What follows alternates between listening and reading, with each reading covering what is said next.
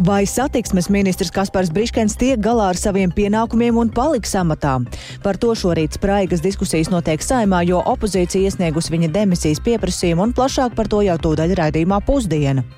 Iekšējo politisko cīņu dēļ ASV kongresā ir iestrēdzis lēmums par papildu palīdzību Ukraiņiem vairāku desmitu miljārdu dolāru apmērā.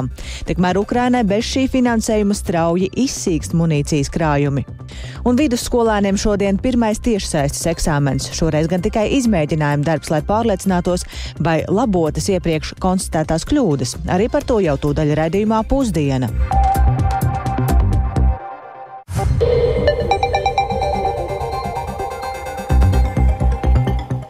12,5 minūtes tas ir raidījuma pusdiena laiks, kurā plašāk skaidrosim šīs dienas, 8. februāra būtiskākos notikumus. Studijā Dāca Pēkšēna, esiet sveicināti! Vai šīs dienas saimas sēde beigsies ar ministra nomaiņu? Nacionālā apvienība ir rosinājusi izteikt neusticību satiksmes ministram Kasparam Briškanam no progresīvajiem, un šobrīd opozīcijā esošā Nacionālā apvienība to pamato ar problēmām nozares vadībā, nespējot uzņemties atbildību. Debates saimas sēdē par to šorīt ir plašas un emocionālas, un tām līdzi seko Jānis Kīncis, kurš pievienojas tiešaidē. Sveiks, Jāni! Sveicināti! Jā, šī ir jau otrā reize kopš tagadējās valdības izveides. Pērn septembrī, kad saimnes darba kārtībā ir kādas opozīcijas frakcijas rosināta neusticības izteikšana satiksmes ministram Kasparam Briškanam no progresīvajiem. Mm, problēmas satiksmes ministrijas pāraudzības jomās netrūkst, un pēdējās nedēļās tām ir pievērsta plašas sabiedrības uzmanība.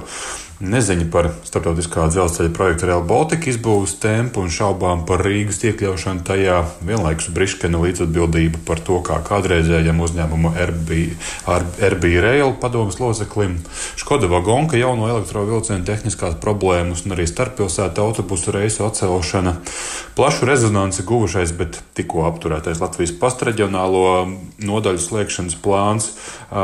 Papildus tam Arī ministrijas iekšējās komunikācijas iznešana uz āru saistībā ar Latvijas pasta darbinieku apbalvošanas pasākumu izmaksām, par ko ministrs it kā nesot zinājis, lai, arī, lai, lai arī pats ticis uz šo pasākumu uzaicināts. Problēma kopums ir radījis iegānstu saimnes opozīcijā esošās Nacionālās apvienības eh, deputātiem rosināt izteikt neusticību ministram. Lūk, ko pieprasījumu pieteicēju vārdā pauda Kaspara Briškana priekšgājējais amatā Jānis Vitenbergs. Sākumā Briškenkungs mēģināja turpināt jau ierasto darba stilu, ar vērienu runāt plašām frāzēm, jāveido stratēģijas, jāpiesaista starptautiski eksperti, jāveic pētījumi, risināsim, meklēsim. Šeit varētu tikai pamācīties to spēju izmuldēties no jebkuras situācijas, noņemt no sevis vainu un atbildību. Visur viņš ir bijis, bet par rezultātiem lai atbild citi. Tā vietā, lai savu nozari aizstāvētu budžetu sastādīšanas sarunās, panākt tās iekļaušanu starp valdības prioritātēm, drošību, veselību un izglītību, viņš kaut kur pazuda un atslāba. Budžeta sarunās vairs praktiski nepiedaloties. Satiksmes ministra, tavai nozarei, tavai ministrijai bija jābūt vienai starp šīm lielajām prioritātēm. Saistībā ar neusticības izteikšanu ministram sekojošajās debatēs saimā netrūkst dažādu savstarpēju pārmetumu, tajā skaitā arī Nacionālās apvienības deputātiem par necienīgu uzvedību Briškena uzrunas laikā.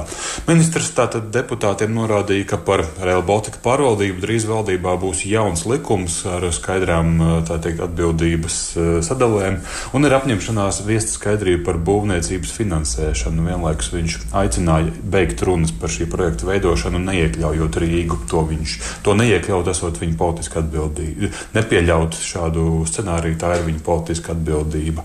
Jauno elektrovilcienu problēmu risināšana ir ražotāja atbildība, un marta pirmajā pusē lietojumiem jābūt 95% vilcienu. Un Latvijas valsts par to nepiemaksāšot ne centa, bet šo nedēļu cēloņus noskaidrošot auditā.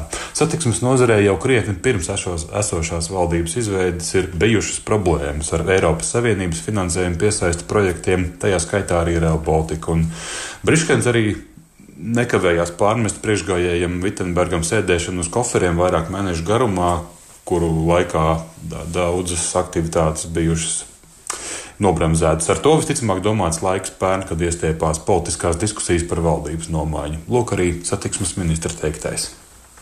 Es uh, satiksmes ministra amatā stājos pirms četriem mēnešiem, bet es ļoti labi zināju, uz ko es parakstos. Es zināju, ka dzelzceļam ir milzīgs finanšu caurums. Kā tāda rūkta pēcgarša pēc ilgstošas atkarības no Krievijas izcelsmes tranzīta kravām un pēc to dramatiskā un sen jau prognozētā krituma. Es zināju šo ilgstošo politisko nolaidību Rail Baltica projekta pārvaldībā. Es zināju arī par Linkaita laikā parakstītajiem valstī ārkārtīgi neizdevīgiem ilgtermiņa autobusu pārvadājumu līgumiem. Es nebaidos atklāt runāt par uh, nozares problēmām. Tās nav radušās vienā dienā. Ne arī četros mēnešos. Es turpināšu strādāt, neskatoties uz šiem ugunsgrēkiem, kas ir saņemti mantojumā. Nu jā, debatēs izskan arī pārmetumi, ka satiksmes nozares atbildības jomās pazūdot reģionu iedzīvotāju vajadzības un intereses, kā arī, piemēram, atgriežoties pie Real Baltica, ka Latvija jau ilgāku laiku nesot līdzvērtīgs partneris sarunās par šī projekta kopīgo virzību. Debats sēmā aizvien vēl turpinās, taču paredzams, ka balsojumā par neuzticības izteikšanu mm, pārsteigumu nebūs un Briškens eh, saglabās amatora valdošās koalīcijas balsu pārsvaru sekosim tam vēl līdzi. Dace. Paldies Jānim Kincim, jā, es lūkojos, ka debats tiešām šobrīd turpinās vēl vairāk cilvēki, kuri ir pieteikušies, tām nav vēl runājuši, bet, jā, kā jau teicat, Briškens ir pārliecināts par amata saglabāšanu un par to vairāk raidījumā pēcpusdiena. Bet tagad par to, ka viena no lauksaimnieku prasībām ir atjaunot samazināto 5% PVN likmi svaigiem augļiem un dārzeņiem. Zemnieki tā grib veicināt nozares konkurētspēju un par to pat labam spriež ar finanšu ministriju. Savukārt zemkopības ministrs šonadēļ jau ir teicis, ka nacionālā līmenī lauksaimnieku prasības esot izpildītas un tālākiem protestiem Rīgā nevajadzētu būt. Šīs dienas sarunām seko līdzi Sintija Ambotes. Sveika, Sintija, vai sarunas šobrīd jau ir noslēgušās uh, un par ko tad šodien cer lauksaimnieki panākt vienošanos? Sveika, Dārts! Sveicināt radio klausītāji! Jā, pat labam finanšu ministrijā vēl turpinās darba grupas sanāksme, kurā piedalās arī lauksaimnieku un zemkopības ministrijas pārstāvji. Tiek tātad pārunāts jautājums par pievienotās vērtības nodokļu likmes samazināšanas iespēju svaigiem dārzeņiem, augļiem un ogām. No šī gada šai pārtikas grupai PVN likme ir 12%, iepriekš tā bija 5%. Latvijas augļu kopju asociācijas vadītāja Māra Rudzāta norāda, ka zemnieki saprot, ka šogad budžets ir pieņemts un tieši šajā jomā nekavējoši neko nevar mainīt bet eh, lauksaimnieki vēlas sadzirdēt atbalstu virzībā uz šīs likmes atgriešanu. Tā ir arī viena no Latvijas lauksaimnieku protesta prasībām, un šodienas sanāksmē plānots apspriest arī šī nodokļa atvieglojuma ietekmi uz nozari un valsts budžetu, jo par šiem aprēķiniem zemniekiem un ierēģiem viedokļi atšķiras. Varam paklausīties Rudzāts teikto pagājušā gadā. Tā problēma arī ļoti liela bija tāda, ka Finanšu ministrijai bija savi aprēķini un teiksim, sadarbībā ar Zemkopības ministriju un asociācijām bija pilnīgi citi cipari. Un arī, kā saka, saliekot kopā, tas izskatījās viss ļoti nu, nesaskaņā ar, ar Finanšu ministriju. Un tāpēc šogad mēs domājam, ka to vajadzētu darīt jau nu, pašlaik, teiksim, lai tas būtu redzams. Un no mūsu pieredzes, e, tomēr vasarā, kad nāks mums ogas un viss pārējā produkcija, kas ir pietiekoši no nu, tādu palielāku cenu nu, tad arī šī ietekme būs vēl vairāk redzama. Nu, mēs gribētu, lai cīkāk ieklausās mūsos, jo teiksim, ļoti svarīgs moments ir, ka šim zemniekam paliek šie 7% viņa rīcībā, lai viņš to var ieguldīt attīstībā, un tas tiešām tika darīts. Finanšu ministri iepriekš gan norādījusi, ka jautājumu par PVN samazinātās likmes piemērošanu plāno skatīt kopējā valsts nodokļu politikas pamatnostādņu izstrādes procesā. Zemkopības ministrijai ir uzdots līdz 1. septembrim valdībā iesniegt izvērtējumu par šobrīd spēkā esošās PVN samazinātās likmes 12% apmērā ietekmi uz svaigu augļu un dārzeņu piegāžu cenām. Tiesa Zemkopības ministrijas ieskatā samazinātais PVN jāievieš ne tikai svaigiem dārzņiem un augļiem, bet visiem primārās nepieciešamības pārtikas produktiem, proti arī svaigai gaļai, zivīm, maizei, olām un piena produktiem. Bet finanšu ministrs Arvils Ašarādins no jaunās vienotības nu pat šeit klātsošajiem medijiem atzina, ka viņa prāt jāmeklē citi ceļi, kā palīdzēt vietējiem lauksaimniekiem konkurētspējas uzlabošanā, tātad nemazinot šīs PVN likmes. Um, savukārt zemkopības ministrs uh, Armāns Krauze no Zaļo un Zemnieku savienības šonadēļ paudis, ka viņa prāt nacionālā līmenī kopumā lauksaimnieku prasības ir izpildītas un tālākiem protestiem Rīgā nevajadzētu būt, bet lauksaimnieki vēl plāno par protestiem Rīgā izlemt līdz rītdienai, rītdienas pēcpusdienai, un Rīgas domē noritot arī šīs akcijas saskaņošanas process. Dace? Paldies Sintējai Ambotei, bet izmaiņas ir gaidāmas vienā no zemkopības ministrijas pāraudzībā esošajām iestādēm. Ministrija gatavojas reorganizēt lauksaimniecības datu centru, un tā ir valsts aģentūra, kas uztur dažādu dzīvnieku reģistrus - lielopu, cūku, aitu, kazu, zirgu. Tāpat reģistrs apkopo informāciju par dzīvnieku pāraudzību, to starp izslaukumiem un ražību. Lauksaimnieki ir bažīgi, ka lēmums par reorganizāciju ir pieņemts nekonsultējoties ar nozaru organizācijām. Stāstam Latvijas Holšteina šķirnes lopa audzētāju asociācijas valdes locekle Ieva Rutkovska. Kā ir plānots, es nezinu. Mums bija arī laba datu bāze, ja es runāju kā cilvēks speciālists, ja, tad es nevaru teikt, un, un būtu grūti saprast, kā tas tagad pāries, vai vienkārši paliks visi tās pati datu bāze, vienkārši mainās karogi. Nu, Par to nav bijis diskusija. Tas ir tas jocīgākais, ka tie ir zemnieku dati, bet ar viņiem darbojas tā, it kā tie piederētu kādam citam. Tas ir tas mūsu atgādinājums Latvijā. Man patiktu un liktos priecīgi, kad uh, tas būtu tāds plašāk izdiskutēts, uh, ko un kā darām, jo tad sajūta, ka mums valsts ir kā privāta firmas. Vairāk par to, Kā gaidāmas izmaiņas, kā gaidāmās izmaiņas pamato ministriju un ko par to saka lauksaimnieki, runāsim raidījumā pēcpusdienā. Bet eh, politiskās cīņas turpinās ASV. ASV kongresa augšpalāta senāts šodien balsos par likumprojektu, kas ietver papildu palīdzību Ukrainai vairāku desmitu miljārdu dolāru apmērā. Balsojums notiks pēc tam, kad vakar republikāņi nobloķēja likumprojektu, kurā palīdzība Ukrainai bija sasaistīta ar ASV un Meksikas robežas stiprināšanu. Baltais nams ir uzsvēris, ka Ukrainai ir nepieciešama jauna palīdzība, jo tai strauji izsīkst munīcijas krājumi. Un plašāk par to gatavs stāstīt kolēģis Uldis Česbers. Sveiks, Uldi! Ko paredz senātā iesniegtais likumprojekts? Jā, labdien! Senāta demokrāta frakcijas līderis Čaks Šumers ir iesniedzis likumprojektu par 96 miljārdu dolāru vērtas palīdzības piešķiršanu ārvalstu sabiedrotajiem un lielākā daļa finansējuma, 60 miljardi dolāru, būs paredzēti tieši Ukrainai. Pārējie līdzekļi tiktu novirzīti militārajai palīdzībai Izrēlai, humanās palīdzības sniegšanai Gazas joslā un Ukrainā, kā arī ASV militārajām operācijām Sarkanajā jūrā un ASV sabiedrotajiem Indijas un Klusā okeāna reģionā, lai atturētu Ķīnu. Eh, šis ir rezerves likumprojekts, ko demokrātiem nācās izvilkt teikt, no atvilknes pēc tam, kad Senāts vakar neatbalstīja likumprojektu, kas paredzēja stiprināt ASV dienvidu robežu, lai samiz, samazinātu rekordaugsto nelegālo imigrāciju un ar, arī novirzītu atbalstu sabiedrotajiem, tostarp Ukrainai. Likumprojekta pie, pieņemšanai bija nepieciešamas vismaz 60 no 100 deputātu balsīm, taču to atbalstīja tikai 49 senatori. Lai gan likumprojekts bija um, rezultāts vairākus mēnešus ilgām sarunām starp republikāņu un demokrātu partijām, to neatbalstīja vairākums republikāņu likumdevēji. Un tas lielā mērā bija saistīts ar bijušā ASV prezidenta Donalda Trumpa pārmetumiem, ka likumprojekts nepietiekami stingri vēršas pret nelegālo imigrāciju. Un, turklāt Trumps iebilst arī pret turpmāko ASV atbalstu Ukrainai. Šodien Senāts balsos tātad par likumprojektu, kurā nav iekļauta imigrācijas politikas reforma, un uh, tā apstiprināšanai arī būs nepieciešams vismaz 60 senatoru atbalsts. Demokrātu senators Maikls Benets sacīja, ka šodienas balsojuma iznākumu ir grūti paredzēt, taču viņa prāt no tā būs atkarīga rietumu demokrātijas nākotne. The Ukrainian people have fought Ukraiņu tauta divus gadus ir drošsirdīgi cīnījusies. Viņi ir šokējuši visu pasauli ar savu pretstāvi Putina nelikumīgajam iebrukumam. Un tagad mūsu valstī ir jāatbild uz jautājumu, vai mēs atbalstīsim Ukraiņus viņu cīņā.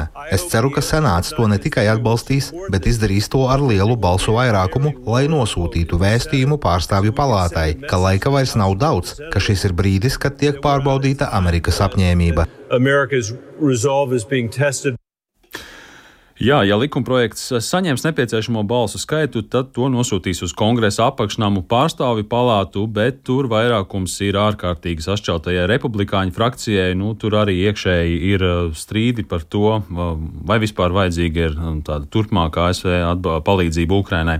Bet kamēr ASV parlaments kavējas apstiprināt jaunu palīdzību Ukrainai, tikmēr Ukraiņu karavīriem nāks cīnīties ne tikai iebrucējiem, bet arī ar bruņojuma trūkumu. Un Baltā nama Nacionālās drošības padomas sekretārs sekretārs Džons Kērbijs paziņoja, ka atsevišķas Ukrainas armijas vienības ir spiestas taupīt munīciju, jo bažījies, ka tā var drīzumā beigties. Un Kērbijs norādīja, ka Krievija zina par Ukrainas problēmām ar munīciju, tāpēc izmanto situāciju, lai biežāk uzbruktu Ukraiņu pozīcijām frontē un arī Ukrainas pilsētām. Un tāpēc ASV prezidents Joe Bidenis šodien uzsvēra, cik nozīmīga ir turpmāka palīdzība Ukrainai. The clock is ticking. Every week, every month that passes. Pūkstenis tīkšķi, katra nedēļa, katrs mēnesis, kas aizrit bez jaunas palīdzības Ukrainai, nozīmē to, ka Ukraiņu rīcībā ir mazāks skaits artilērijas lādiņu un pretgaisa aizsardzības sistēmu, mazāk līdzekļu, lai viņi varētu aizstāvēt sevi pret Krievijas agresiju, un tieši to vēlas Putins. Mēs nedrīkstam atslābt, jo uz to cer Putins. Šī kara nozīme sniedzas daudz tālāk par Ukrainu. Ja mēs neapturēsim Putinu, Putina kāri pēc varas un kontroles Ukrainā, tad viņš neaprobežosies tikai ar Ukrainu. Jā, un ja vēl par aktuālo, tad šorīt Krievijas raķešu uzbrukumā Selidoves pilsētai Donetskas apgabalā nogalināja vismaz vienu cilvēku, bet vēl septiņus ievainoja, un Krievija šonakt arī veica jaunus dronu uzbrukumus Ukrainai. Šoreiz galvenais mērķis bija Odesas un Mikolaivas apgabali valsts dienvidos, un Ukrainas pretgaisa aizsardzības sistēmām izdevās notriekt kopumā 11 dronus, bet vēl 6 droni uh, trāpīja civilās infrastruktūras objektiem, bet par laimi šoreiz nav ziņu par upuriem vai cietušajiem. Tas tikai vēlreiz apliecina, cik būtiski Ukrainai ir šī palīdzība. Paldies Uldim Česberim! Bet eh, Latvijā, domājot par to, kam būtu jāmainās, sagatavojot jaunos pedagogus, šodien noslēdzošā diskusijā tiekas izglītības eksperti un darba devēji. Līdzīgas sarunas jau ir notikušas reģionos, secinot, ka šobrīd būtiski domāt par to, kā risināt skolotāju trūkumu daudzās pašvaldībās, atbalsta personāla nepietiekamību un arī pedagoģu profesionālo pilnveidi. Par to, kas jau šobrīd šajā jomā tiek darīts no Latvijas universitātes puses šorīt raidījumā. Labrīt, kolēģei Artai Skujai izstāstīja Latvijas universitātes izglītības zinātņu un psiholoģijas fakultātes dekāna profesora Linda Daniela domājot par atbalstu personālu, mums ir izstrādē šobrīd studiju programmas, kas ir speciālā pedagoģija, sociālā pedagoģija. Tālāk, domājot par skolotāju trūkumu, mēs noteikti savā pusē vēl paplašināsim tos modeļus, kā cilvēks var ieiet skolotāju profesijā, skolas dzīvē. Un uh, vēl ko mēs noteikti arī darām, tad mēs paplašinām šo profesionālās kompetences pilnveidus kursus. Tas, kas varbūt ir vēl tāds sistematizēts, tiek uh, skolotāju prakšu jautājums, jo arī tas izskanēja diskusijās. Prakse viņiem studiju programmā ir bet eh, ka skola sagaidītu vairāk tādu sistemātiskāku uzraudzību. Arī ministrija no savas puses domā dažādus soļus, kā šo sistēmu uzlabot un eh, palīdzēt viņiem mainīties. Darba devēja un pašvaldības, kas šodien arī piedalīsies diskusijā, viņi pie galda sēž kā nu, nosacīti pasūtītāji vai arī līdzdalīgi spēlētāji. Es teiktu, ka viņi mums ir partneri gan tajā, ko viņi saka, kas ir vajadzīgs, gan arī tajā, ko mēs varam kopā domāt, kā var sadarboties, jo izglītības nozare ir bijusi tā, kas ir nu, atstāta uz tāda entuziasma viļņa, un šobrīd ir pienācis tas mirklis, kad ir eh, ne tikai entuziasms, bet ir arī tāds būtisks atbalsts izglītības sistēmai. Tas, ko es gribu teikt par uh, universitāti vai par skolotāju sagatavošanas programmām, tad, kad mēs programmas pārstrādājām, tajās tika iekļauts iekšā tāds nosacījums, ka mēs uzņemam studēt tos, kuriem ir bijis septiņi vai vairāk tajā jomā, ko viņš mācīs. Piemēram, ja mums trūkst pašlaik STEM skolotāju, tad neņēmām visus, kuri vēlas kļūt par skolotājiem. Tādā veidā tā audzējot to kvalitātes latiņu pret to, ko mēs sagaidām no skolotāja. Tikai šogad būs pirmais izlaidums jaunajai studiju programmai pilnā cik, kas ir četru gadu skolotāju programmai. Tas gan nenozīmē, ka viņi nozarē nav, jo lielais vairums studējošo strādā jau studiju laikā.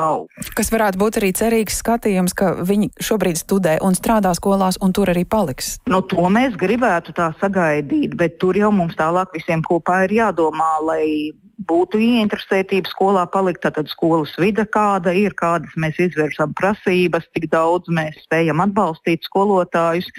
Un tā tendence, ko mēs redzam pēdējos gados, ka tas jauno topošo skolotāju skaits aug lēnām, viņš aug nepietiekami. Bet uh, mēs negribētu arī mazināt uzņemšanas prasības, kvalitātes prasības. Kā piemēram šogad mēs vēl papildus liksim klāt uzņemšanas prasībās domāšanas testu, vēl papildus kvalitātes uh, līmeni, lai paceltu. Tālūk Latvijas Universitātes izglītības zinātņu un psiholoģijas fakultātes dekāne profesore Linda Daniela.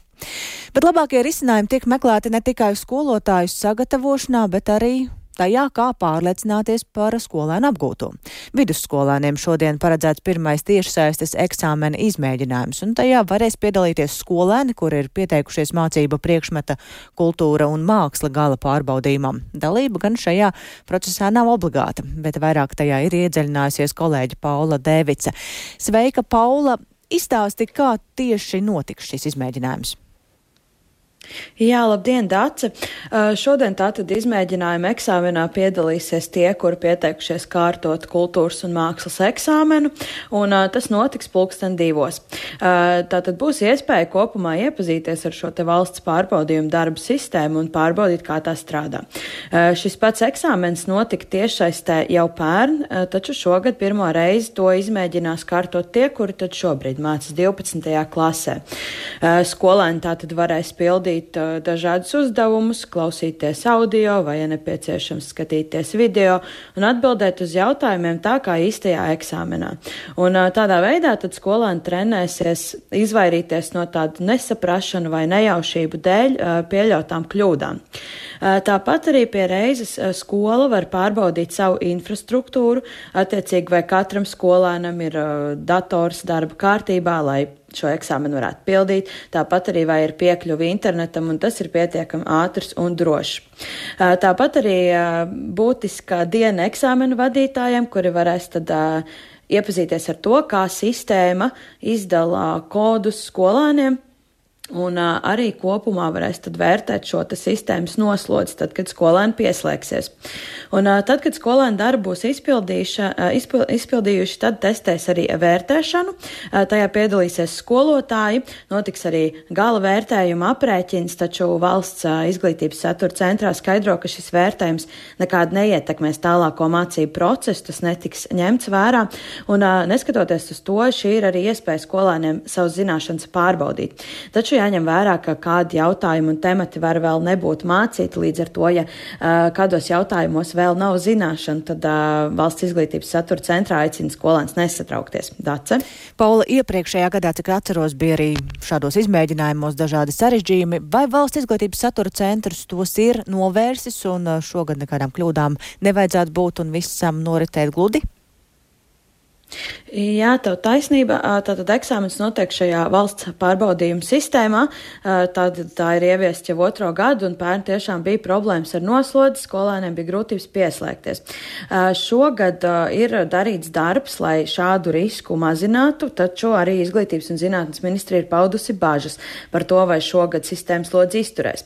Vispārējās izglītības eksāmena nodaļas vadītājs Kaspars Špūl no valsts izglītības satura centra Latvijas radio skaidro, ka pērn noslodze radās latviešu valodas eksāmenā, kas skaitliski ir vislielākais, to kārtojas vairāk skolēnu. Un paklausīsimies, ko tad viņš sacīja. Tur bija problēmas ar noslodzi. Attiecībā visi skolām ir vienlaicīgi pieslēgties. Ja. Tātad šoreiz mums eksāmeni ir nu, līdz tūkstoš kārtotājiem. Tad, attiecīgi, tā noslodze mūsu puses ir jau arī mazāka nepieciešama. Bet, jebkurā gadījumā mēs arī pārbaudām visus savus uzlabojumus, kas ir darīti šī gada laikā. Tāpēc arī mums ir šī mēģinājuma eksāmeni, lai mēs pārbaudītu, vai visi ko mēs esam darījuši, ir uh, veidojuši. Jā, tātad izmēģinājumu darbu saturu veidos pagājušā gada centralizēto eksāmenu augstākā līmeņa uzdevumi, un vēl izstāstīšu, ka arī nākamnedēļ gaidām izmēģinājumu darbu mācību priekšmetā programmēšanu un geogrāfiju, savukārt 21. Febru, februārī izmēģinājumu darbu paredzēt skolāniem, kur pieteikušies pildīt monitoringa darbu dabas zinātnēs. Tad jau pēc tam arī varēs vērtēt, kā tad šogad sistēma strādā un vai viss darbojas. Dace. Paldies Paulai Devicē tik tālu par skolēnu zinātnēm runāšanu pārbaudi pagaidām izmēģinājumu formā. Ar to tad arī izskan raidījums pusdiena. To producēja Ilze Agīnta, ierakstus montēja Uldis Grīnbergs par labskaņu rūpējās Īveta Zvejniec un ar jums sarunājās Dāca Pēkšēna. Es tikai piebildīšu to, ka pirms brīža ir noticis balsojums saimā un satiksmes ministrs Briškens saglabā amatu. Redījuma pusdiena var klausīties arī sevērtā laikā Latvijas radio mobilajā lietotnē. Tur jāsameklē dienas ziņas, lai varētu mūs dzirdēt, un tāpat arī Latvijas radio ziņām var sekot līdzi sabiedrisko mediju ziņu portālā LSMLV, kur visas mūsu jaunākās ziņas, un tāpat arī mūsu sociālajos tīklos. Uz tikšanos atkal rīt! Yeah.